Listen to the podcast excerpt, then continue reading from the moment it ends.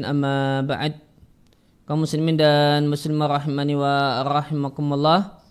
Sebelum kita lanjutkan ada dua catatan yang ingin kami sampaikan. Yang pertama di beberapa pertemuan yang lewat eh, terkadang kami mengutip tambahan faedah dari kitab At-Tabyin fi Syarhil Arba'in An-Nawawiyah fi Syarhil Arba'in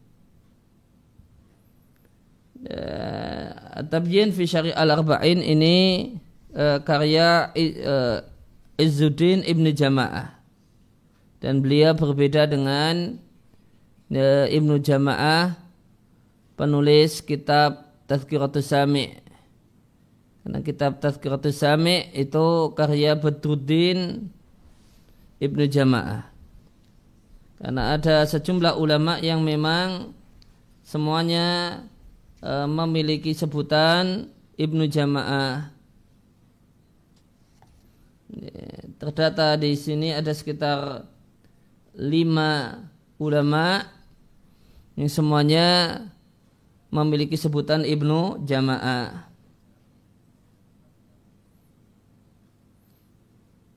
Dan semua ulama yang atau lima ulama yang disebut dengan Ibnu Jamaah ini semua kerabat dari Izzuddin ibnu Jamaah.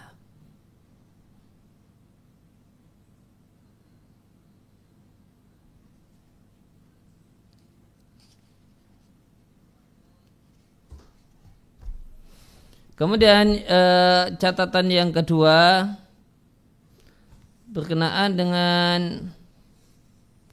jangan marah di hadis yang ke-16 di sarahnya saya Salah al di halaman 52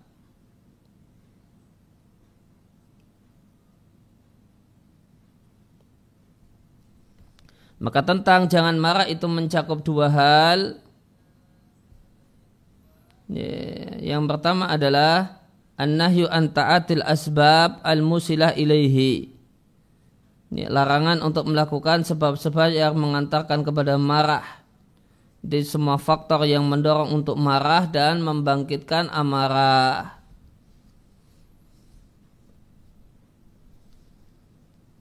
Nah, gimana uh, uh, contoh dari hal ini? Apa yang diinginkan dari contoh dari hal ini?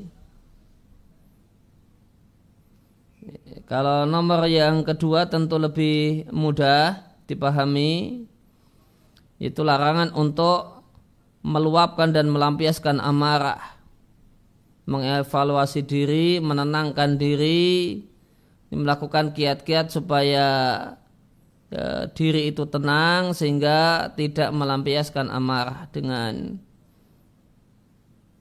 diam, dengan uh, pindah posisi dan yang lainnya. Nah, maka untuk poin yang kedua ada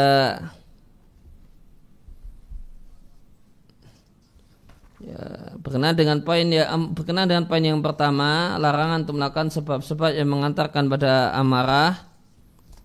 Ya, maka ada faedah dari sarah arba'in yang lain yaitu uh, di al-jawahir al-lu'lu'iyah fi syarhil arba'in nawawiyah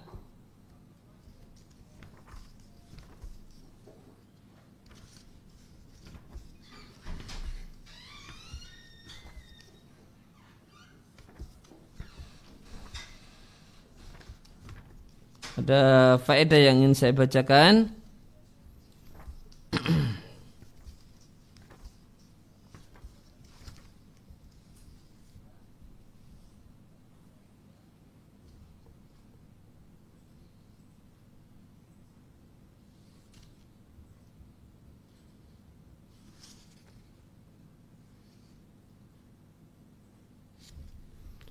Di Al-Jawahir Al-Lu'lu'liyah ketika membahas tentang hadis yang ke-16. La tardab Beliau sampaikan ada dua kemungkinan makna. Yahtamilu annal murada la taf'alul asbaba al muqtadiyata lil ghadabi Janganlah engkau lakukan faktor-faktor yang mendorong untuk marah. Waf'al al-asbab allati tanfihi. Dan lakukanlah faktor-faktor yang meniadakan amarah. Maka la tardab artinya lakukanlah faktor-faktor yang bisa mengurangi amarah. Atau ya, bisa menye, uh, bisa memiliki kemampuan untuk mengendalikan amarah. Nah, apa contohnya? Kal hilmi. Memiliki sifat hilm. Yaitu tidak mudah emosi. Meskipun uh, telinga itu panas namun kepala tetap dingin ya, maka ini contohnya contoh yang lain adalah uh, wahusnul khuluq orang yang berakhlak mulia. Dan orang yang berakhlak mulia bukanlah orang temperamen. Bukan orang yang emosional. Kemudian contoh yang lain adalah wal hayai rasa malu. Punya rasa malu ketika marah-marah di depan banyak orang, ditonton oleh banyak orang. Ini kalau orang punya rasa malu ketika ditonton oleh banyak orang dan dilihat oleh banyak orang, nah, maka dia tidak marah. orang itu bisa marah-marah meskipun dilihat oleh banyak orang, ya ketika dia tidak punya rasa malu.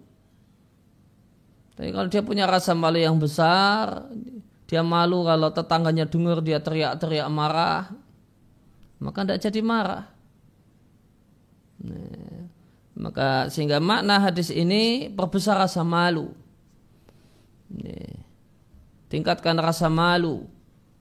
Sehingga punya rasa malu kalau teriak-teriak, marah-marah, didengar oleh tetangga, dilihat oleh banyak orang, bahkan dikumuni banyak orang. Sebagian orang itu marah-marah sampai tetangga itu pada ya, banyak orang itu pada ngumpul dan dia tetap marah-marah. Nah, kapan ini eh, kapan ini terjadi ketika sudah tidak punya rasa malu. Nah, karena itu di antara makna la ini makna pertama dari jangan marah itu salah satu bentuknya adalah perbesar rasa malu watawadu. Demikian juga Ya, di antara kiatnya atau kemudian di antara bentuknya adalah punya ketawaduan.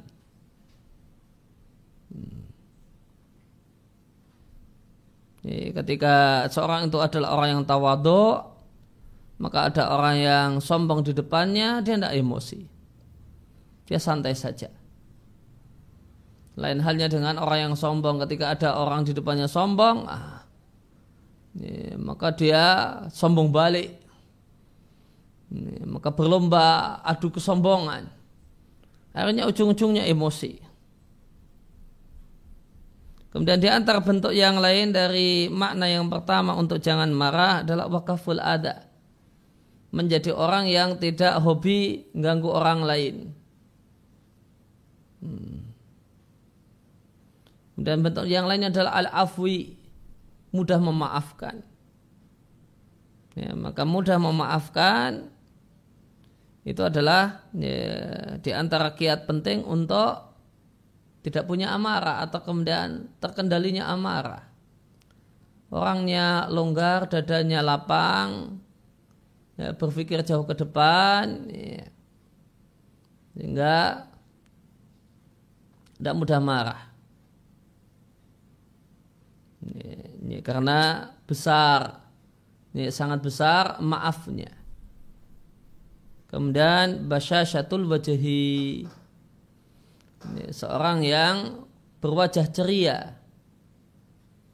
Orang yang berwajah ceria ya, orangnya selalu terlihat happy itu uh, peluangnya untuk marah itu lebih uh, lebih jarang-jarang dibandingkan orang yang berwajah datar, ya, orang yang suka cemberut. Ya orang yang suka senyum manis, orang yang berwajah ceria, ini, itu ya, peluang beliau untuk marah-marah itu satu hal yang kecil. Dia hanya marah kalau ada hal yang betul-betul bikin marah. Tapi kalau cuma hal-hal biasa, maka dia sikapi dengan senyum manis dengan ini. Nah itu uh, di antara contoh ya, penjelasan untuk makna yang pertama dari jangan marah yaitu jangan lakukan sebab-sebab yang mendorong untuk marah, namun lakukanlah sebab-sebab yang meniadakan amarah.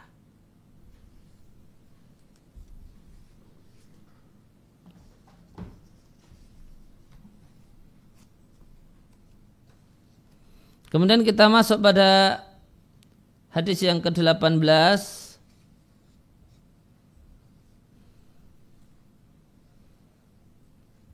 dari Abu Dhar, Jundub bin Junadah dan Abu Abdurrahman Mu'ad ibn Jabal radhiallahu anhuma dari Rasulullah sallallahu alaihi wasallam Rasul mengatakan ittaqillaha haitsuma kunta Bertakwalah engkau kepada Allah di mana saja dan kapan saja engkau berada. Ikutilah perbuatan jelek dengan perbuatan yang baik, tamhu, tamhuha, niscaya perbuatan yang baik akan menghapuskannya. Kemudian wa khaliqin nasa hasanin dan bergaulilah dan berinteraksilah dengan orang lain dengan interaksi yang baik. Lihatkanlah At-Tirmidzi, Tirmidzi mengatakan hadisun hasanun di sebagian naskah uh, Tirmidzi disebutkan hasanun sahihun. Di penjelasannya oleh Syekh Saleh Usaimi wafaqahullah hadis ini dilihatkan Tirmidzi dari Abu Dar dengan redaksi ini. Semarah kemudian dilihatkan dari hadis Mu'ad bin Jabal Kemudian Tirmidzi cuma komentar nahwahu dengan redaksi seperti redaksi hadis Abu Dhar. Artinya Tirmidzi lam yasuk tidak membawakan redaksinya. Jadi di sahih di di, uh, di Sunan Tirmidzi itu hadisnya tidak jadi satu. Antara hadis Abu Dhar sama Mu'ad tidak jadi satu. Namun dua hadis atas bawah. Yang atas itu hadis Abu Dhar. Yang atas hadis Abu Dhar redaksinya seperti ini. Itaqilah itu makunta wa bisayatal hasanata tamhuha wa khalikin wa khalikin khuluqin hasanin. Nah, bawahnya ya, dibawakan sanatnya oleh At-Tirmidzi namun dari sahabat Mu'ad bin Jabal nah, kemudian tentang redaksinya Tirmidzi cuma mengatakan nahwahu seperti ini, redaksinya redaksi hadis di atas yaitu hadis dari sahabat Abu Dhar dan beliau tidak membawakan teksnya.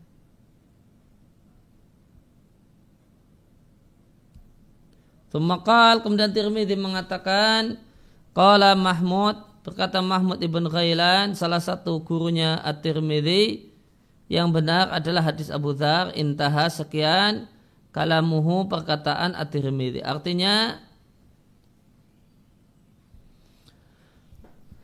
Bahasanya hadis ini diriwayatkan mahfudhan secara benar dari Abu Dhar. Tidak ada peran Mu'ad bin Jabal pada hadis ini. Sehingga sebagian rawi itu salah dengan menjadikan hadis ini hadis dari sahabat Mu'ad bin Jabal. Wa isnaduhu dan sanad hadis ini kalau uh, dari Mu'ad bin Jabal itu daif. Diriatkan min wujuhin dari sejumlah jalur la yathbutu min hasyai'un tidak ada satupun yang valid. Ya, intinya kata salah satu gurunya At-Tirmidzi yang benar hadis ini cuma hadis dari sahabat Abu Dhar. Nah, kemudian wasiat Nabi Shallallahu Alaihi Wasallam pada Muad bin Jabal dilihatkan min wujud iddah dari banyak jalur di antaranya ada ada kalimat-kalimat yang sahih yang benar semacam hadis Ibnu Abbas radhiallahu anhu di sahihain Bahasanya Nabi SAW kala mengutus Mu'ad ke Yaman, Nabi memberikan pesan. Inna kata kauman min ahlil kitab, kauman ahlil kitab. Yang kaum datangnya sekelompok ahli kitab, al hadisa, lanjutannya hadis. Wamin hadan di antaranya ada sejumlah kalimat pesan Nabi kepada Mu'ad yang tidak valid bahkan da'if.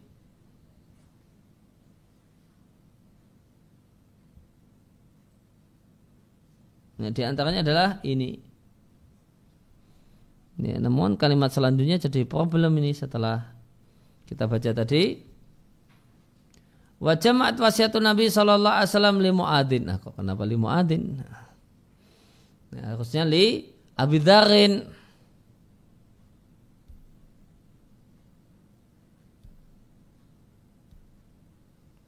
Ya, wasiat Nabi Shallallahu Alaihi Wasallam kepada Abu Dhar radhiallahu anhu ini menjelaskan atau mengumpulkan mencakup hak Allah dan hak hamba. Karena seorang hamba itu memiliki dua hak yang wajib dia tunaikan. Yang pertama hak Allah yang disebutkan dari hak Allah huna di sini adalah takwa dan setelah berbuat jelek dilanjutkan dengan berbuat baik dan hak hamba yang disebutkan dari hak hamba huna dalam hadis ini adalah menyikapi orang lain dengan akhlak yang baik. Wal murad taqwa syar'an dan yang dimaksud dengan takwa secara syariat seorang hamba memiliki wiqayah tameng pelindung yang melindungi antara dia dengan apa yang dia khawatirkan berupa melaksanakan perintah-perintah syariat dan mengikuti kejelekan uh, ya, mengikuti kejelekan dengan melakukan kebaikan wa fi'luha yaitu mengerjakan kebaikan ba'daha setelah mengerjakan kejelekan ini memiliki dua level. Yang pertama adalah mengikuti dengan tujuan menghilangkan kejelekan. Fal hasanatu maf'ulatun maka kebaikan dilakukan dengan niat menghilangkan kejelekan. Yang kedua adalah mengikuti tanpa ada niat menghilangkan artinya amal kebaikan tersebut dilakukan karena Allah tanpa ada niat menghapus amal kejelekan yang telah dilakukan sebelumnya. Kemudian hak hamba yang disebutkan dalam hadis ini adalah menyikapi orang lain dengan sikap dan akhlak yang baik dan ini sebenarnya bagian dari takwa namun akhlak yang mulia ini disendirikan ta'ziman untuk mengagungkan li sya'nihi ya, kedudukan akhlak mulia dan mengingatkan betapa lima qamihi betapa mulianya akhlak mulia dan perlu diketahui akhlak dalam bahasa syariat itu memiliki dua pengertian. Yang pertama adalah akhlak dalam makna yang luas. Nah akhlak yang dalam makna yang luas itu sama dengan agama. Karena akhlak dalam makna, dalam makna yang luas itu mencakup akhlak kepada Allah, akhlak kepada Rasul, akhlak kepada manusia. Contoh khuluk yang artinya agama adalah firman Allah Ta'ala wa inna kala ala khulukin azim. Sebenarnya engkau wahai sang Nabi memiliki akhlak yang sang agung. Makna khulukin azim kata mujahid dan yang lainnya adalah dinin azim agama yang agung. Makna akhlak yang kedua adalah makna yang sempit yaitu al-mu'amalatu ma'an nasi. Interaksi dengan orang lain dan inilah yang dimaksudkan dalam hadis ini dan terdapat pelabelan dilabelilah akhlak itu dengan sebutan akhlak yang baik dalam banyak hadis. Wah hakikatuhu dan hakikat akhlak mulia adalah al-ihsanu ilal khalqi berbuat baik kepada orang lain dalam ucapan dan perbuatan.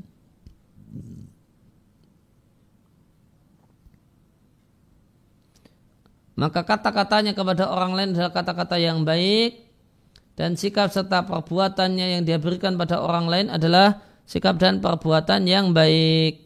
Inilah orang yang berakhlak mulia. Dan tentu seorang itu tidaklah dikatakan berbuat baik kepada orang lain manakala dia mengganggu orang. Maka sebelum dia berbuat baik, maka dia menjadi eh, berupaya untuk menjadi orang yang tidak mengganggu orang lain. Ya, menghilangkan kenyamanan orang lain ini tidak mengganggu orang lain dengan ucapan ataupun dengan perbuatan.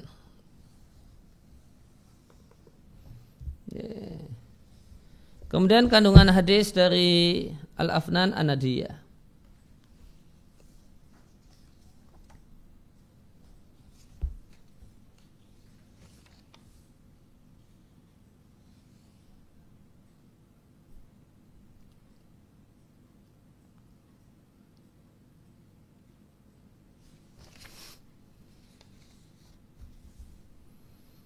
Ya, fikih hadis atau kandungan hadis di Afnan Anadia yang pertama anjuran seorang muslim berwasiat kepada saudaranya dan mengingatkan saudaranya dengan hal-hal yang wajib dilakukan oleh saudaranya kepada Allah, kepada dirinya dan kepada saudaranya sesama kaum muslimin. Karena saling berwasiat dan mengingatkan kebaikan dan bersabar dan saling mengingatkan untuk mengedepankan kasih sayang adalah ikatan Islam yang Allah diambil yang telah diambil oleh Allah dan Rasulnya dari orang-orang yang beriman sebagaimana di surat Al-Asr. Dan di hadis Jarir bin Abdullah yang sahih beliau mengatakan aku berbaikat pada Rasulullah sallallahu alaihi wasallam untuk menegakkan salat, membayar zakat dan menginginkan kebaikan untuk setiap muslim. Pemadalika dan hal dan tidaklah hal tersebut ilah kecuali karena nasihat itu mewujudkan tujuan agama Fahiyah maka nasihat itu lubab intinya agama dan tanda dan alamat pintunya. Dan melalui kegiatan nasihat nampaklah potret umat eh, umat Islam al-mutarabitah yang saling berhubungan dan memiliki perasaan yang sama yang menarik. Al-mutamayis yang menarik yang unik itulah al-isyar Ya, bahwa isyarat telah menunjukkan adanya kesatuan tujuan, tujuan dan persaudaraan dalam beban dan amanah. Hai do'afu sehingga berlipat-lipatlah al maqdarah kemampuan untuk kokoh di atas kebenaran. Kemudian yang kedua berkenaan dengan bertakwa kepada Allah ya, maka faedahnya sepatutnya seorang hamba merasa diawasi oleh Allah dalam semua keadaan dan waktu. Dan, karena tidak bertakwa kepada Allah hanya di waktu tertentu semacam Ramadan atau di tempat tertentu semacam di masjid. Kemudian yang ketiga kebaikan itu menghapus kejelekan dan ini wahada fi ghairil ma'asi dan berlaku untuk selain, uh, untuk selain maksiat berkenaan dengan hak manusia. Untuk maksiat berkenaan dengan hak manusia maka harus istihlal. Harus minta maaf, harus diselesaikan. Uh, harus minta maaf. Ya. Maka dan ketika kita minta maaf kepada orang, apakah kita harus menyebutkan kesalahannya? Saya, saya minta maaf kepada anda karena saya begini-begini. Haruskah demikian?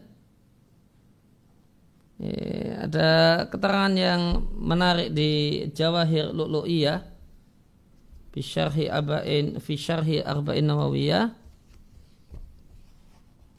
tentang minta maaf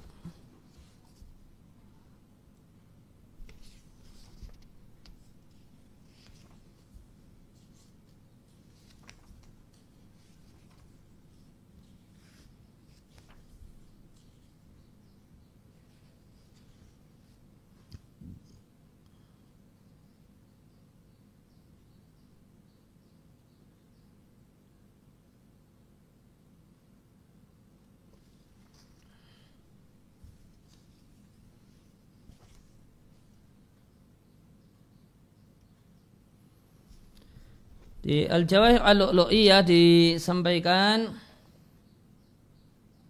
Suma inna hadha yakhusu min umumihi Ya, hadis ini bersifat umum, amal kebaikan bisa mengamal amal kejelekan. Hadisnya, redaksinya bersifat umum, namun ini mengalami taksis, mengalami pengecualian. Pengecualiannya adalah al-muta'aliqah bil adami. Manakala berkenaan dengan hak manusia, beliau katakan penulis Jawahir Lu'lu'iyah mengatakan fala yamhu fala yamhuha ilal istihlal ilal istihlalu ma'a bayani jihati dhulumati in amkana walam yatarattab alaihi mafsadatun ya. maka kalau dosa berkenaan dengan hak manusia maka dia tidak ada yang bisa menghapusnya kecuali al-istihlal minta maaf. Dan minta maaf itu ma'abayani jihati zulumah. Plus penjelasan sisi kezaliman yang telah dilakukan. Jadi minta maaf, eh, yang namanya minta maaf itu tidak global. Tolong maafkan saya. Ya saya maafkan dirimu, tapi maaf tentang apa ya? Ya, maka maafnya ya, permintaan maaf itu harus menjelaskan sisi kezaliman yang dilakukan. Namun ngomong kalau maafkan saya karena saya telah begini-begini ini satu hal yang harus dilakukan. In'am karena jika memungkinkan yang pertama. Yang kedua walam yatarattab alaihi mafsadatun. Dan tidak dikhawatirkan timbul mafsadah yang lebih besar Kapan timbul mafsadah yang lebih besar? Kapan tidak timbul uh, kapan akan timbul mafsadah yang lebih besar? Manakala orang yang kita mintai maaf itu belum tahu kesalahan kita kepadanya. Nah, kita di belakang dia melakukan kesalahan. Maka dan dia belum tahu kesalahan apa yang kita lakukan terhadap orang tersebut. Maka kalau ini dijelaskan, ah itu timbul mafsadah yang lebih besar. Oh ternyata kamu menusuk saya dari belakang ya. Nah, maka akan timbul mafsadah yang lebih besar. Sehingga eh, kapan tidak dijelaskan, nah, maafkan saya namun tanpa penjelasan, manakala orang yang dimintai maaf itu tidak tahu apa bentuk kesalahannya. Karena dia belum dengar, belum sampai ke telinganya apa yang kita lakukan terhadap dirinya. Ya, contohnya di kasus riba. Maka kalau kita ngomong ya kalau ada uh, kalau misalnya andai kita melakukan riba uh, menggunjing seseorang di belakangnya, maka jika dia sudah tahu kita pernah ngomongin apa tentang beliau, maka pada saat minta maaf kita sampaikan. Saya minta maaf karena telah bilang demikian demikian. Namun kalau uh, beliau belum tahu uh, ya, yang kita lakukan kepadanya, maka jangan cerita. Kalau cerita akan timbul mafsadah yang lebih besar. Sehingga gimana? Kalau beliau belum tahu ya, kesalahan apa yang kita lakukan kepadanya, semisal dalam kasus riba maka di sini disampaikan fal marjuwu kifayatul istighfari wa du'a ilahu. Maka diharapkan sudah cukup dengan kita memintakan ampunan kepada Allah untuknya dan mendoakan kebaikan untuknya tanpa perlu minta maaf. Ya, maka jika seorang itu uh, melakukan tindakan riba atau gunjingan menggunjing si A namun anda tahu kalau kita menggunjingnya maka tidak perlu minta maaf.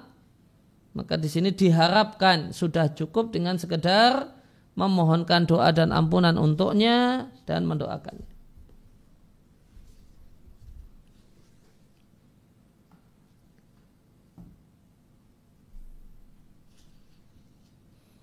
Ya, kembali ke kandungan hadis di Al-Afnan Anadiyah yang keempat termasuk akhlak mulia adalah wajah ceria, kaful ada tidak mengganggu, tidak usil, ya, tidak eh, orang yang hobi jahil. Maka orang suka usil dan suka jahil, maka dia tidak akan menjadi orang yang berakhlak mulia. Wabatul ma'ruf suka berbuat baik. Kemudian yang keempat, menyikapi orang lain semisal dengan semisal sikap yang Anda inginkan didapatkan dari orang lain. Ya, maka ini empat kaidah penting untuk menjadi seorang yang berakhlak mulia wajah yang ceria. Ya, orang yang wajahnya itu datar-datar saja, sulit untuk senyum, maka susah jadi uh, orang yang berakhlak mulia. Ya, untuk menjadi orang yang berakhlak mulia, ya, hal yang pokok adalah murah senyum. Hmm. Murah senyum.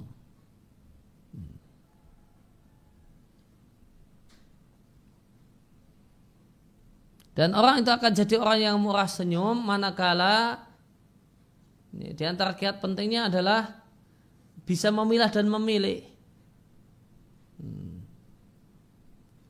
Ya, jengkel sama tetangganya yaitu jangan cemberutnya sama suaminya. Demikian juga sebaliknya. Lagi jengkel sama suami ya jangan cemberut sama tetangga. Demikian juga sebaliknya. Seorang suami lagi jengkel sama istrinya ya cemberutnya jangan sama teman kantornya. Ya, lagi jengkel banget sama atasannya di kantor, jangan itu dibawa ke rumah. Kemudian dia berikan pada istri wajah yang cemberut. Ya. Maka seorang itu akan bisa menjadi seorang yang ber, uh, berwajah ceria dengan baik, manakala ini, jengkel sama si A ya cemberutnya sama si A. Adapun B, C, D, E, F, G dan seterusnya ya dia tetap senyum manis, happy happy saja. Sehingga um, ya, maka ini seorang yang uh, berwajah ceria ya, yang pada tempatnya. Jangan sampai gara-gara jengkel sama si A, kemudian ya, cemberutnya kemudian sama A, B, C, D, E, F, G, H dan seterusnya. Semua orang dia cemberuti. Maka orang-orang yang tidak merasa tidak bermasalah dengan dia, jadi merasa terdolimi. Kemudian yang kedua adalah kaful ada. Jangan suka mengganggu. Jangan suka up, uh, usil. Bahasa sekarang anak muda ngeprang bapak itu. Ya. Orang yang suka ngeprang, ngeprang itu akhlak buruk. Ini, karena dia mengganggu. Ini, ngerjain gitu. Ini. Dan Nabi melarang untuk ngerjain mengganggu. Ini, baik itu sengaja ataupun guyon. Sebagian orang dengan alasan guyon uh, melegalkan kegiatan mengganggu, ngeperang gitu. Dan Nabi melarang untuk menyembunyikan tongkat kawannya, baik uh, mengambil tongkat kawannya, baik main-main ataupun serius. Nah, guyon nggak boleh. Ini kawannya kalau jalan perlu pakai tongkat. Nah, tongkatnya disembunyikan. Sebenarnya untuk guyon-guyon. Nah, boleh kata Nabi. Kemudian yang ketiga suka berbuat baik, ya, nolong, bantu, bantu nurunkan barang, angkat barang, bantu uh, dan ngasih duit atau minjemi duit dan seterusnya. Kemudian yang keempat beliau katakan bersikap kepada orang lain dengan semisal sikap-sikap yang ingin didapatkan dari orang lain. Ini merupakan kata kunci akhlak mulia. Kemudian faedah yang kelima Hadis ini wasiat agung termasuk jawami kalim, kalimat ringkas syarat makna yang diberikan pada Rasulullah sallallahu alaihi wasallam. Maka Nabi kumpulkan untuk Mu'ad radhiallahu anhu ya, sejumlah hak yang wajib ditunaikan. Dan Nabi jelaskan kepadanya jalan untuk naik dalam tangga ya, orang-orang yang beriman, orang-orang yang ya, khulas, orang-orang yang ya, eh, sempurna yang telah menyempurnakan keimanan. Maka hak yang menjadi kewajiban hamba adalah menunaikan hak Allah, hak diri, kemudian hak orang lain. Hak Allah yang wajib ditunaikan adalah bertakwa kepada Allah dengan benar-benar takwa. Hak diri adalah membersihkan diri dan mensucikannya dengan taubat dan membersihkan dosa dengan melakukan sejumlah kebaikan. Sedangkan hak hamba adalah menyikapi hamba dan bergaul dengan uh, bergaul dengan mereka dengan akhlak yang baik. Adapun sabilul kamal jalan sempurna dalam hal ini maka Rasulullah Sallallahu Alaihi Wasallam perintahkan Mu'ad untuk bertakwa kepada Allah ketika sendiri ataukah ketika bersama banyak orang. Dan ini adalah faktor pendorong khusyah rasa takut kepada Allah. Siapa yang menyadari bahasanya Allah melihatnya fi batini ketika dia sendiri dan fi ketika bersama banyak orang kemudian dia menghadirkan hal tersebut dalam sepi dan kesendiriannya maka hal ini akan mengharuskan orang tersebut untuk tidak melakukan maksiat fisiri meskipun ketika dia sendiri. Dan Nabi perintahkan Mu'ad untuk melakukan hal yang menghapus kejelekan. Di anal abda karena seorang hamba tatkala dia diperintahkan untuk bertakwa kepada Allah ketika sendiri dan ketika bersama orang ma'anahu padahal hamba itu labuda minu tidak boleh tidak terkadang ya, ada kecerobohan dalam takwa dengan meninggalkan sebagian hal yang diperintahkan atau mengerjakan sebagian yang terlarang karena setiap manusia itu khata'un punya banyak kesalahan maka Rasulullah Sallallahu Alaihi Wasallam memerintahkannya untuk melakukan amal kebajikan setelah melakukan kejelekan. Sebagaimana firman Allah Taala, Innal hasanati yudhibna sayiat. Amal kebaikan itu menghilangkan hmm, amal kejelekan. Kemudian kandungan yang keenam dalam hadis ini terdapat pondasi untuk merasa diasih oleh Allah dalam setiap keadaan wal ahyan dan setiap waktu yaitu bertakwa kepada Allah dalam setiap kesempatan. Kemudian yang ketujuh, takwa kepada Allah tidak dibatasi oleh waktu dan tidak diikat oleh tempat. Bahkan dia selalu diperintahkan. Yang kedelapan, betapa luasnya kasih sayang Allah subhanahu wa ta'ala kepada hamba-hambanya. Allah bukakan banyak pintu untuk menghapus kesalahan, ini, untuk menghilangkan kesalahan dan menutupi dosa di antaranya adalah melakukan kebaikan. Kemudian yang kesembilan sepatutnya seorang hamba berada di antara dua level level uh, dua terminal terminal rasa takut dan harap. Maka takwa itu mendidik seorang muslim untuk punya rasa takut dan membuka pintu taubat yaitu setelah melakukan kejelekan lakukanlah kebaikan itu mendidik seorang muslim untuk berharap. Yang ke sepuluh antusias Islam hilangnya permusuhan nasyahna ya, kebencian wal kebencian di antara individu masyarakat muslim oleh karena itu hamba diperintahkan untuk ya, mencegah dengan cara uh, merespon kejelekan dengan cara yang lebih baik dan hadis ini mendidik seorang muslim untuk bersegera melakukan kebaikan. Wa ala yakuna ala abdu tabi'an li ghairihi. Dan seorang hamba itu tidak hanya menjadi orang yang ikut-ikutan dengan orang lain.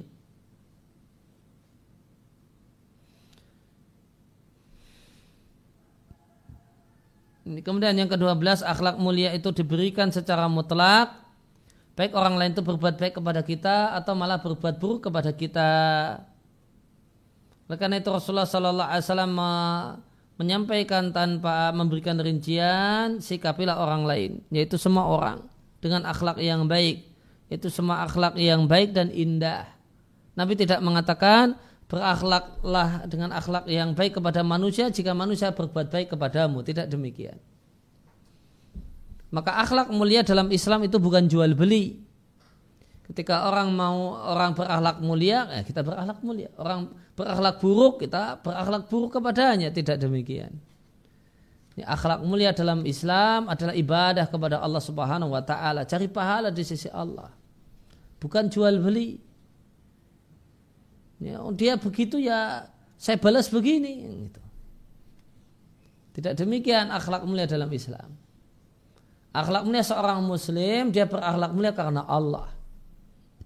Ini indikator akhlak mulia kepada karena Allah meskipun orang itu berbuat jelek kepadanya dia tetap berbuat baik kepada orang tersebut. Sedangkan orang yang berakhlak mulia karena manusia itu cirinya ya kalau orang baik orang berbuat baik kepada saya saya akan berbuat baik kepada dia. Dia tidak berbuat baik kepada saya maka saya tidak akan berbuat baik kepadanya. Maka akhlak mulia seorang muslim adalah mencari pahala di sisi Allah Subhanahu wa taala karena seorang muslim meyakini bahasanya akhlak mulia itu bukan jual beli. Bukan bisnis. Nah, kemudian yang ke-13 uh, umat Islam adalah manusia yang paling berhak di antara manusia yang ada di muka bumi ini untuk berakhlak mulia. Sebagaimana Nabi katakan, hanyalah aku diutus untuk menyempurnakan akhlak mulia. Demikian juga ahlu sunnah wal jamaah, para pengikut salafus saleh lebih utama dibandingkan muslim ahli kiblat yang lainnya adalah masalah akhlak mulia. Karena akhlak mulia adalah rukun pokok dalam manhajus salaf dan di antara raqizatun min dakwah di antara uh, tiang pokok dakwah salafiyah al-mubarakah.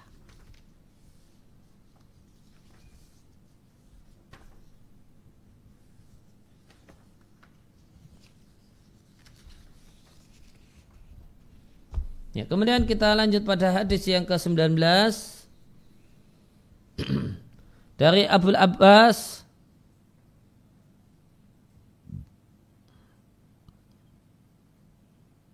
ya, atau sebelumnya berkenaan dengan Abu Dhar ya, ada dua penjelasan tentang kenapa beliau ya, berkunyah dengan Abu Dhar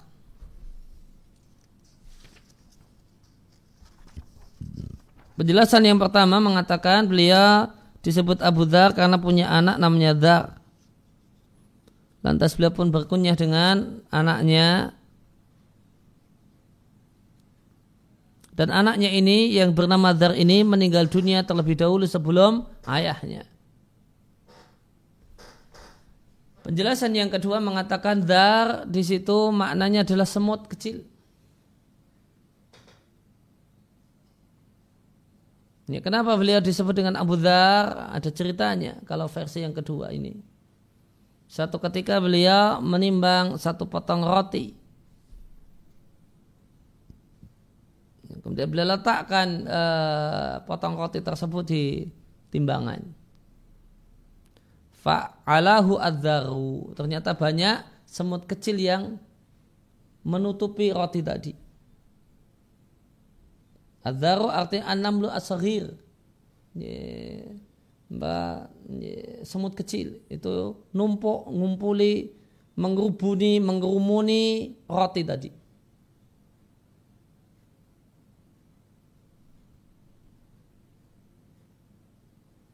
Di pertama diletakkan kemudian di, dikerumuni oleh banyak semut. Setelah itu semutnya dibersihkan, ditimbang lagi. Ternyata tidak ada bedanya. Ternyata tidak ada bedanya ketika roti ini bersemut dan roti ini tanpa semut tidak ada bedanya. Akhirnya kemudian beliau komentar dengan sejumlah orang yang lihat dan ada di sekeliling beliau. Ungdur ilaha dalam yadhar fi mizani dunia. Lihat hal ini. Sesuatu seukur dar, darah bahasa lainnya sesuatu seukur dar itu tidak kelihatan selisihnya di timbangan dunia. Wa inna mizanal akhirati layati syubi wahidatin minha. Sedangkan di timbangan akhirat dengan satu semut itu sudah ada perbedaan mana yang lebih berat dan lebih mana yang lebih berat dan mana yang lebih ringan. Nah, karena komentar beliau tentang masalah semut ini, fakilalahu Abu Dharin. Maka kemudian orang-orang pun nyebut beliau dengan sebutan Abu Dhar, bapak semut. Nah, ini bukan berarti maknanya beliau ini penggemar semut kecil ya, atau pemelihara semut, ya, bukan demikian. Namun tadi ada kisah beliau ya, tentang semut. Ya, kita masuk pada hadis yang ke-19 dari Abu Abbas, Abdullah bin Abbas radhiyallahu anhuma. Beliau mengatakan, aku di belakang Nabi Shallallahu alaihi wasallam yaman pada satu hari. Fakal lantas Nabi mengatakan, Ya hulamu, Ya hulamu. Ini terjemahnya dalam bahasa Indonesia itu pendek kalau ya hulamu. Cukup diterjemahkan dengan nak, koma. Jangan diterjemahkan wahai anak, tidak ada bahasa Indonesia. Wahai anak. Di bahasa Jawa ya gulam itu le, nah gitu. Dalam bahasa Indonesia ya gulam itu nak. Ini alimuka. Akan kusampaikan kepadamu kalimatin sejumlah ini kalimat yang penting dalam hidupmu. Tolong pegangi erat-erat. Jagalah Allah niscaya Allah akan menjagamu. Jagalah Allah niscaya engkau akan jumpai Allah ada di hadapanmu. Jika minta-minta sama Allah. Jika isti'anah atau minta tolong, minta tolonglah kepada Allah. Wa'lam anal umat dan ketalah seandainya umat manusia. Andai umat manusia itu kumpul untuk memberikan manfaat kepadamu dengan sesuatu, mereka tidak bisa memberikan manfaat kepada kepadamu kecuali sesuatu yang telah Allah tuliskan untukmu. Kata balaka itu artinya takdir baik untukmu. Dan seandainya mereka sepakat untuk membahayakanmu dengan satu hal, mereka tidak bisa membahayakanmu kecuali dengan sesuatu. Kot kata Allah alaika. Kata alaika artinya memang takdir jelek untukmu. Karena pena telah diangkat dan lembaran-lembaran telah kering. Diatkan Tirmidzi, Tirmidzi mengatakan hadis Hasan sahih. Dalam riwayat selain Tirmidzi, jagalah Allah niscaya engkau jumpai Allah di hadapanmu.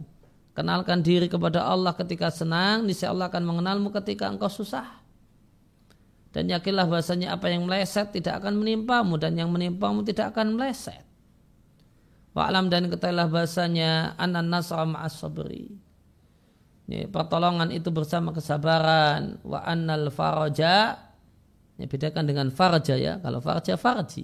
Kemaluan. Kalau faraja itu artinya Ya. Datangnya kegembiraan setelah susah. Wa anal faraja dan bahasanya yang nanya kabar gembira itu bersama kesusahan. Wa anna mal usri yusra dan bersama kesulitan itu terdapat kemudahan. Dan ketika seorang itu dilanda musibah, dilanda bencana, semacam pandemi corona saat ini maka di antara amal soleh adalah amal hati yang disebut dengan sebutan intidarul faraj. Menanti datangnya kabar gembira. Bersabar menanti. Setia menanti datangnya kabar gembira.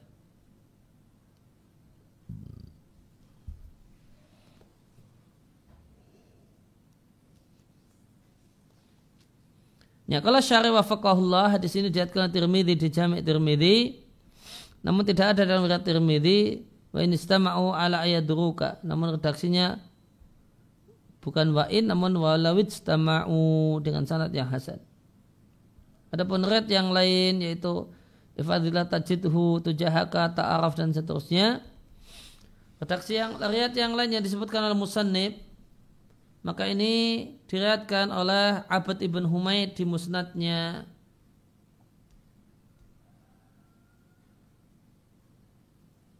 Wafi siyaqih dalam rentetannya ziyadatan terhadap tambahan lebih dari apa yang disebutkan di sini dan sanatnya daif. Namun sanatnya daif.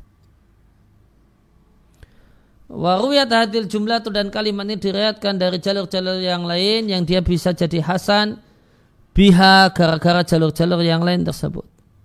Kecuali kalimat wa'lam anna ma akhta'aka lam yakun yusibaka.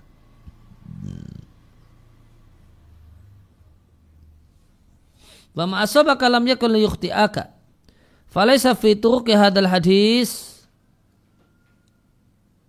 maka tidak ada dalam jalur-jalur hadis ini yang menguatkan lima ji datangnya kalimat ini wa alam anama akhta'aka untuk wasiat Nabi kepada Ibnu Abbas. Meskipun kalimat ini anama akhta'aka lam yakun yusibaka itu valid dalam hadis-hadis yang lainnya. Ya jagalah Allah niscaya Allah akan menjagamu. Yang dimaksud menjaga Allah adalah menjaga perintah Allah dan perintah Allah ada dua macam. Perintah takdir ya, perintah takdir berupa berbagai macam takdir Allah tetapkan ya, cara menjaganya dengan bersabar perintah syar'i menjaganya dengan mempercayai berita dan melaksanakan ya, tuntutan tuntutan untuk dikerjakannya dikerjakan tuntutan untuk ditinggalkan ditinggalkan. Dan meyakini halalnya yang halal.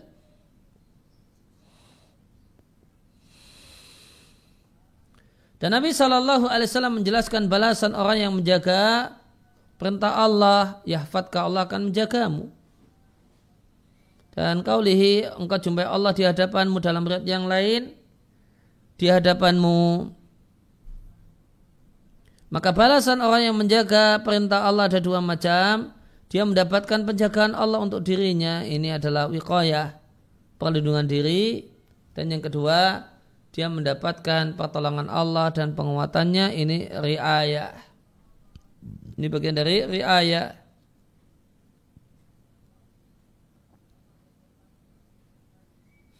Maka wikaya untuk mencegah dari madarat sedangkan riayah untuk mendapatkan hal yang menyenangkan. Ya, pena-pena telah diangkat dan lembaran-lembaran telah kering artinya sabatat al-maqadiru ya, maka segala macam takdir itu sudah ya, ada wa furira min kitabatiha dan sudah selesai pencatatannya. Kenalkan diri kepada Allah ketika senang, niscaya Allah akan mengenalimu ketika engkau susah. Ini memuat amal dan balasannya. Adapun amal, seorang hamba mengenal Rabbnya. Balasannya, Allah itu mengenal hambanya.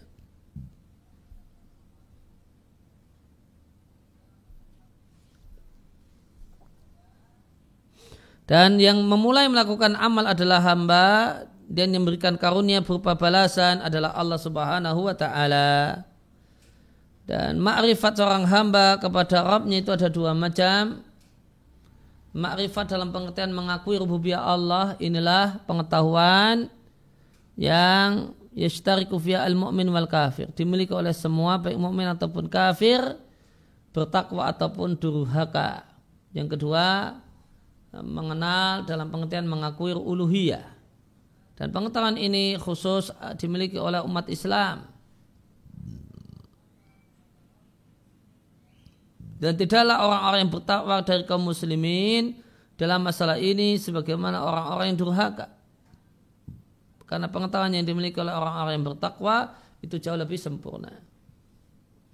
Kemudian pengetahuan Allah kepada hambanya ada dua macam. Pengetahuan secara umum, tak tadi bermakna syumul ilmu Allah meliputi hamba-hambanya dan Allah mengetahui hamba-hambanya yang kedua pengetahuan yang khusus tak takdir bermakna Allah mengenali hambanya dengan menolong dan menguatkan.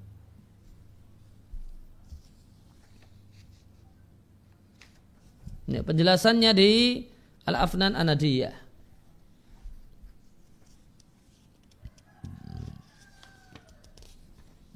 cukup banyak atau kemudian fawaid hadis di Afnan Anadiyah ada 22 faedah. Yang pertama, bolehnya e, memboncengkan orang di atas hewan tunggangan. Karena Rasulullah Sallallahu Alaihi Wasallam e, juga memboncengkan Mu'ad di atas keledainya. Sebagai dalam sahihain. Perlu diketahui Salah satu ulama Ibnu Menambah Mandah namanya punya Juz'un Mufradun buku khusus membahas tentang sahabat siapa saja yang pernah Nabi boncengkan. Dan anjuran mengajarkan ilmu yang manfaat kepada orang lain dengan perkataan yang ringkas, berfaedah dan lengkap. Antusias dengan nasihatil muslimin, generasi muda kaum muslimin. Karena mengajari ketika mereka itu masih belia kecil seperti mengukir di batu. Maka di antara prioritas dakwah yang harus diperhatikan adalah dakwah kepada anak-anak dengan membuat TK dan TPA dan yang lainnya. Balasan itu sejenis dengan perbuatannya. Siapa yang menjaga Allah maka Allah menjaganya. Dan kaidah ini contohnya di Al-Quran banyak sekali. Sebagaimana Allah tegaskan di surat Ar-Rahman. Balja bahkan terdapat sorihan dengan tegas. Dan tidaklah balasan kebaikan kecuali kebaikan.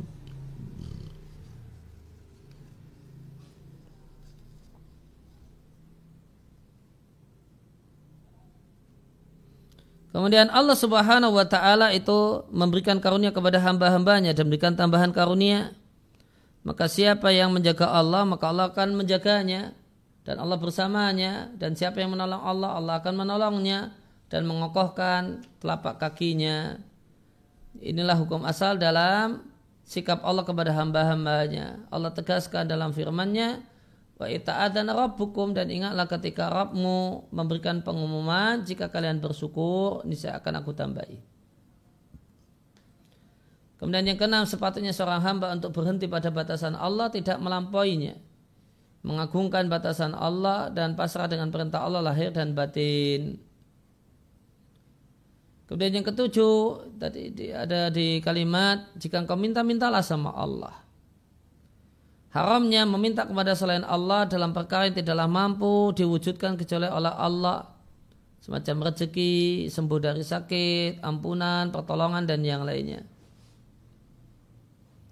Adapun kebiasaan manusia jarat yang telah berjalan, orang pada saling tolong menolong dalam ya, hal yang mereka mampu untuk lakukan, maka tidaklah maka tidaklah mengapa minta tolong kepada orang lain semacam pinjam barang, minta hutangan, minta arahan dan yang lainnya. Ya, kemudian tentang uh, Jafatis Suhuf. Rufiatul Aklam wa Jafatis Suhuf itu kandungannya. Poin yang kedelapan. Apa yang ada dalam ilmu Allah atau apa yang Allah tetapkan dalam umul kitab dan lauhil mahfud itu tetap tidak akan berganti, tidak berubah dan tidak dihapus. Dan semua yang telah terjadi dan akan terjadi semuanya diketahui oleh Allah Ta'ala.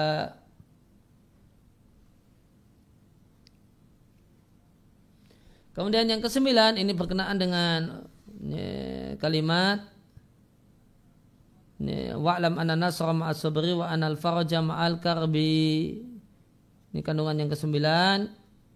Di antara sisi indah bergandengnya kemudahan dengan kesusahan kemudian dengan kesulitan yaitu kesusahan jika menghebat. Watanaha dan berada di puncak maka hamba itu putus asa dari semua makhluk. Dan hatinya pun bergantung pada Allah semata. Dan inilah hakikat tawakal kepada Allah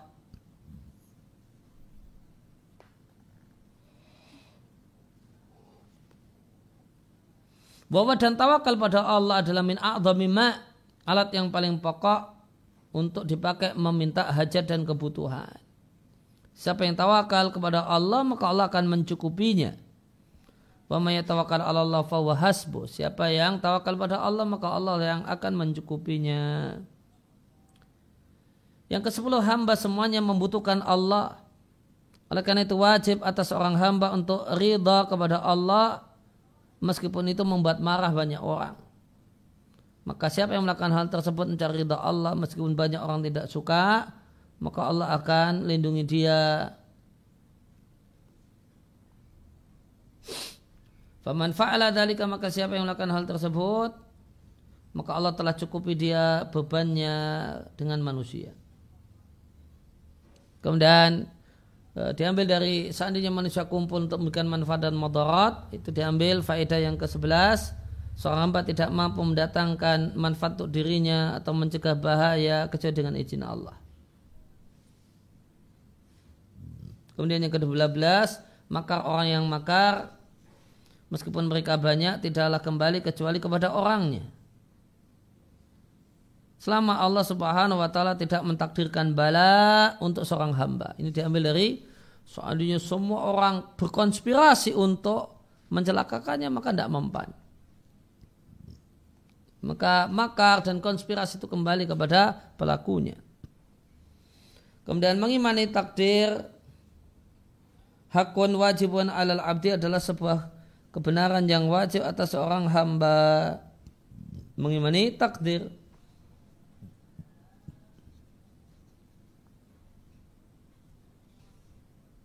itu menjadi hakun wajibun kewajiban setiap hamba. Nah, itu diambil dari kata-kata ila kata ballahu lak atau kata ballahu alaik. Yang ke-14 berjihad di jalan Allah itu memerlukan sabar dan keteguhan. Man sabara dhafira. Siapa yang sabar maka dia akan berhasil dan menang Sebagaimana firman Allah Ta'ala jika kalian 100 orang yang bersabar bisa mengalahkan 200 dan seterusnya. ya, oleh karena itu ini diambil dari kalimat ya, ma wa'lam anan nasra ma'as sabri menang itu kalau sabar yang ke-14 dalam hadis ini penjelasan tentang akhlak tawaduk yang menjadi hiasan Nabi Shallallahu Alaihi Wasallam. Maka beliau poncengkan anak pamannya yaitu Ibnu Abbas di belakangnya. Pada musta'asir bidabah beliau tidaklah memonopoli hewan tunggangan tanpa ngejak yang lain. Yang ke-16 anjuran untuk bersikap lembut dengan anak muda dan lembut dengan anak muda dan antusias untuk memberikan yang manfaat bagi anak-anak muda. Karena Ibn Abbas ketika itu masih belia. Ketika Nabi wafat, umurnya Ibn Abbas baru 13 tahun. Maka ini pengajaran ini adalah pengajaran kepada anak anak kecil dan anak muda. Kemudian memilih kalimat-kalimat yang pendek dan ungkapan-ungkapan yang jelas, kalimat-kalimat yang mudah saat ngajari anak kecil supaya mudah untuk dihafal dan mudah untuk dipahami. Kemudian anjuran untuk menggunakan e, gaya bahasa atas wik penasaran dan mengambil perhatian dalam pengajaran. Sebagaimana dilakukan Rasulullah Sallallahu Alaihi Wasallam, di mana Rasulullah Sallallahu Alaihi Wasallam berkata pada Ibn Abbas, ya hulamu, ya hulam ini tanbe catatan ini alim maka kalimatin akan aku ajarkan pada sembah kalimat. Nah ini taswik membuat orang penasaran. Kemudian dia bari sepatutnya mengajari anak kecil, wanasya generasi muda perkara akidah. Karena kalimat-kalimat Nabi untuk Ibn Abbas ini porosnya adalah masalah akidah.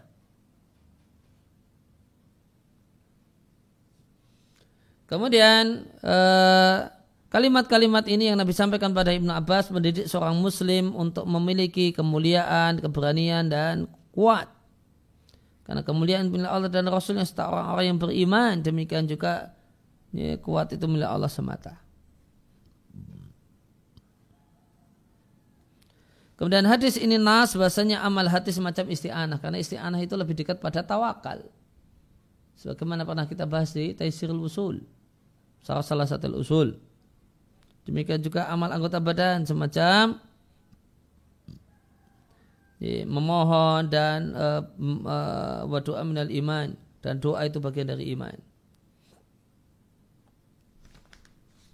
Dan yang kedua uh, ke-22 bahaya tergesa-gesa dan bahasanya dia adalah penyakitnya sabar dan tergesa-gesa tidak mendatangkan kebaikan. Karena Allah telah mengkaitkan kemenangan dengan kesabaran.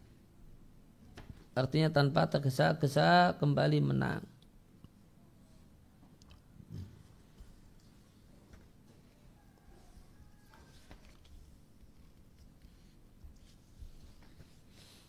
Ya, kemudian hadis selanjutnya hadis yang ke-20 dari Abu Mas'ud Uqbah bin Amr Al-Ansari Al-Badri dan beliau disebut Badri bukan karena veteran perang Badar namun karena rumahnya ada di daerah Badar. Maka semua sahabat kalau disebut Badri itu artinya ikut perang Badar kecuali sahabat ini Uqbah bin Amr karena beliau tidak ikut perang Badar, cuma rumahnya di Badar. Dan mengatakan Rasulullah Sallallahu Alaihi Wasallam bersabda di antara hal yang dijumpai oleh manusia dari perkataan para nabi terdahulu jika engkau tidak mau berbuatlah sesukamu. Diatkan oleh Al Bukhari. Kalau syari wafaqallah hadis ini diatkan oleh Bukhari saja tanpa Muslim maka dia adalah hadis yang sendirian diatkan oleh Bukhari anhu tanpa Muslim. Mimma adurkan nasu min kalam nubuwatil ula artinya yang dikutip dari para nabi terdahulu dan jadilah dia satu hal yang ter, terhafal dari para nabi terdahulu. Kemudian manusia ini, uh, mengutipnya dari generasi ke generasi. Jika engkau tidak mau berbuatlah sesukamu itu punya dua pengertian. Dia adalah perintah sebagaimana lahiriahnya. Artinya faidakan amal turidu fi'lahu jika sesuatu yang kau ingin lakukan satu hal yang tidak memalukan tidak malu kepada Allah, tidak pula pada manusia, silahkan lakukan apa yang engkau inginkan, maka tidak ada celaan atas dirimu. Ini makna yang pertama. Ini kaidah dalam masalah bersikap. sikap dan tutur kata apa yang sepatutnya kita lakukan ya dilihat itu satu hal yang bikin malu ataukah tidak kalau tidak bikin malu silahkan kerjakan ya, misalnya uh, ketika seorang istri ngantar suaminya di bandara yang mau pergi bolehkah cium pipi ya, kembali ke hadis ini di dalam tas tahifas nak masyita Ya, ini sesuatu yang bikin malu ndak? Cium pipi dilihat banyak orang di tengah-tengah kerumunan massa gitu. Oh malu saat ya kalau gitu ya jangan lakukan. Maka ini kaidah dalam masalah hal yang boleh dilakukan dan yang tidak boleh dilakukan. Tolak ukurnya adalah ini bikin malu apa enggak kalau dilakukan. Kemudian yang kedua, ini bukan perintah yang dimaksudkan hakikatnya, senyatanya Gitu. Namun ini perlu ditakwil dan yang berpendapat dengan pendapat ini lantas menghamalnya memaknainya dengan salah satu dari dua makna. Yang pertama ini adalah perintah maknanya ancaman dan ancaman. Jika engkau tidak punya malu yang menghalangimu, fasna masyita. Lakukanlah apa yang kau mau. Sehingga engkau akan mendapatkan sesuatu yang tidak engkau sukai. Yang kedua, ini adalah perintah namun maknanya kalimat berita. Di dalam tastahi fasna masita itu menunjukkan kalimat berita. Artinya maka kalau hayaun siapa yang punya rasa malu maka rasa malu itu akan menghalanginya dari melakukan perbuatan yang jelek. Dan siapa yang tidak punya rasa malu maka rasa malu tidak akan menghalanginya dari kejelekan. Fawa khobaran aninasi maka ini adalah berita tentang manusia dan apa yang mereka lakukan. Dan ini semua tergantung rasa malu. Dan rasa malu itu adalah perubahan jiwa, wangkisar dan ketidaknyamanan hati yang dialami oleh seorang hamba karena khawatir sesuatu hal yang tercela pada dirinya. Demikian definisi dari Abu Fadl Ibnu Hajar di Fathul Bari. Wa min asani makila fi bayani hakikatil hayai dan definisi rasa malu dari Ibnu Hajar ini adalah min ahsani maqila. Termasuk pendapat yang terbaik Fibayan ketika mau menjelaskan hakikatil haya pengertian rasa malu. Dan rasa malu adalah akhlak yang terpuji kecuali dalam dua keadaan. Manakala rasa malu itu menghalang untuk melakukan hal yang diperintahkan atau rasa malu tersebut menjerumuskan ke dalam hal yang terlarang. Untuk mendapatkan rasa malu maka ada dua jalan. Yang pertama anugerah dan karunia Allah. Itulah uh, kodrat yang Allah berikan pada seorang hamba dan Allah Allah yang tanam dalam diri hamba. Yang kedua diupayakan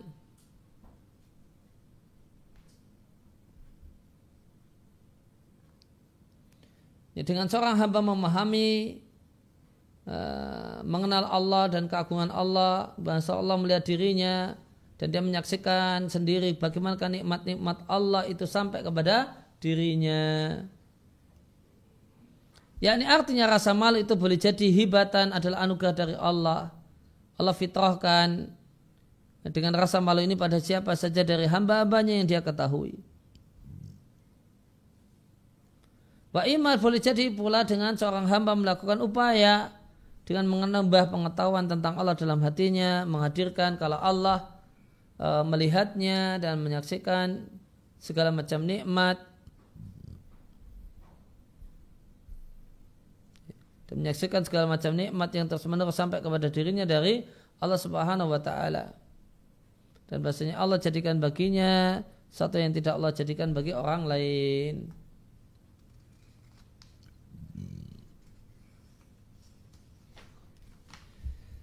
Kemudian kandungan hadis dari Afnan Nadiyah untuk hadis ini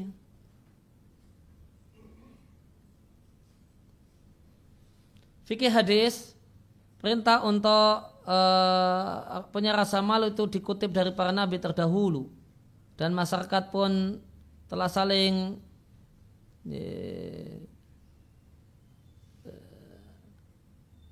tadawalu memutarnya di antara sama mereka dan mereka mewarisi Ya, perintah untuk punya rasa malu dari zaman ke zaman.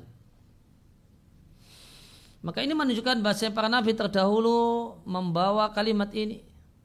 Dan kalimat ini populer di tengah-tengah masyarakat sampai-sampai kalimat ini sampai juga kepada generasi awal umat ini.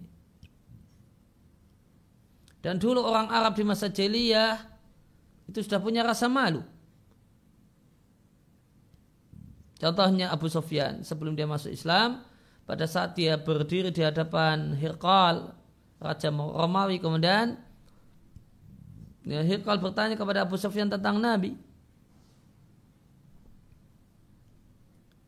Maka Abu Sufyan mengkabarkan tentang dirinya sebagaimana terdapat dalam hadis yang diriwayatkan oleh Al-Bukhari.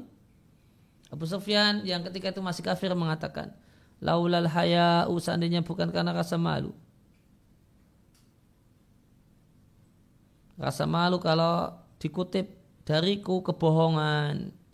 Niscaya aku akan bohong kepada Hirqal.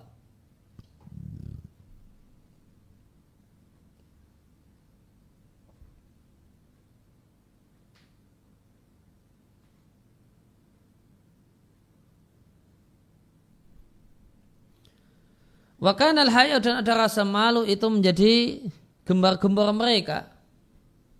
Sebagaimana ya tadi jelas dari uh, pertanyaan pengingkaran yang ditujukan oleh Abu Musa al-Ash'ari kepada seseorang dari Bani Jishm tatkala dia lari, hariban lari. Ya. Maka Abu Musa mengatakan dalam hadis yang diriwayatkan oleh Muslim, Falam maro'ani tatkal dia melihatku, maka dia berpaling dariku, kabur, maka aku kejar dia. Maka mulailah aku katakan padanya, tidakkah engkau malu, bukankah engkau orang Arab, tidakkah engkau berhenti, akhirnya dia berhenti.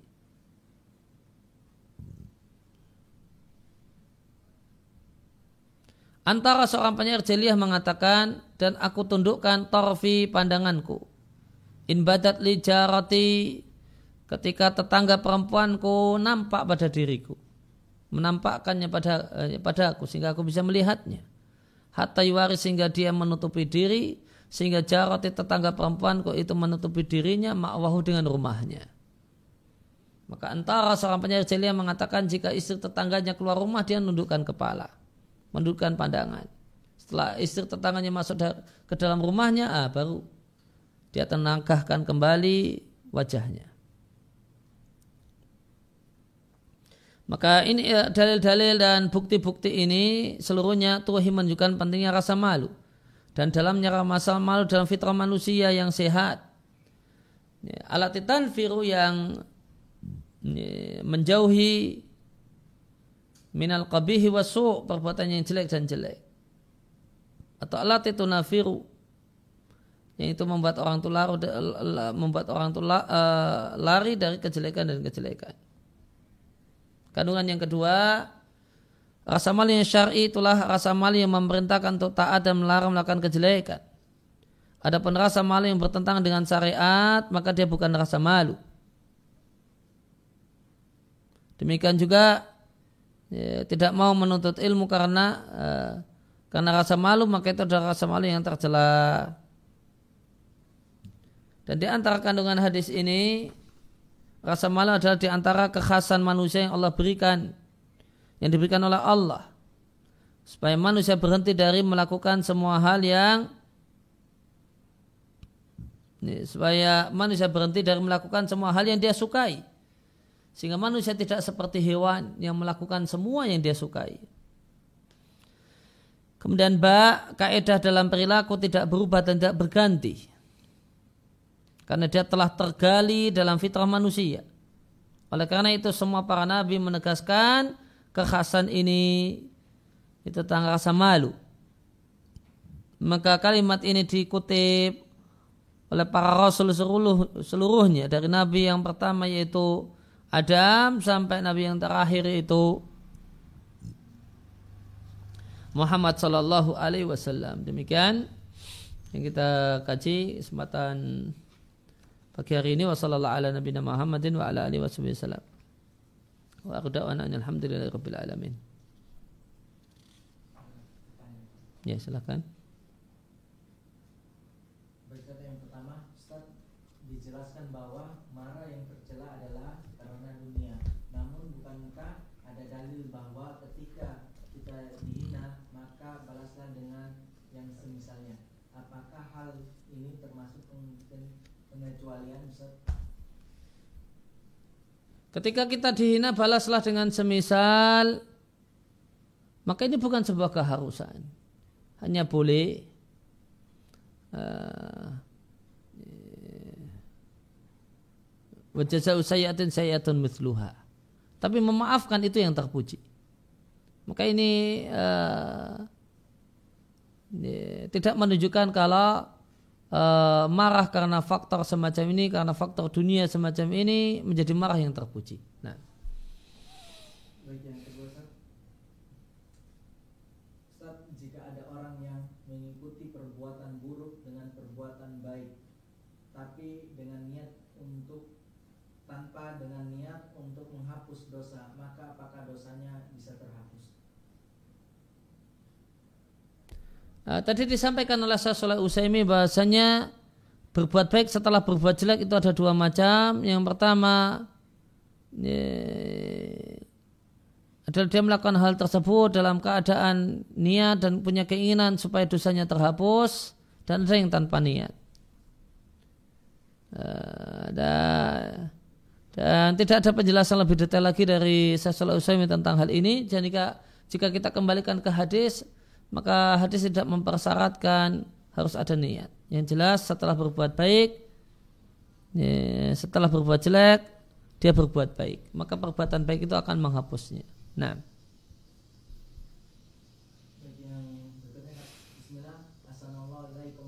Amin.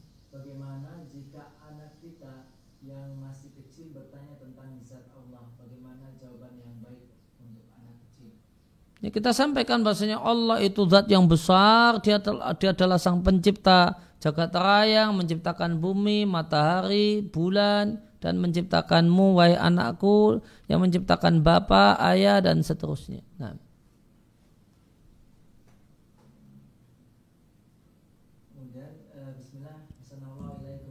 Eh, Amin.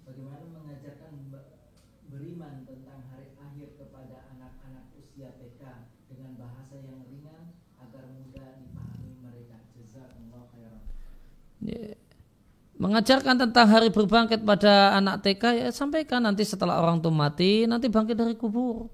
Dikumpulkan di satu tempat namanya padang mahsyar nanti ngantri ya, ya, selama 50 ribu tahun setelah itu dihisap nanti orang masuk surga sama masuk neraka. Nah. Subhanakallahumma bihamdika asyhadu an la ilaha illa anta astaghfiruka wa atubu ilaik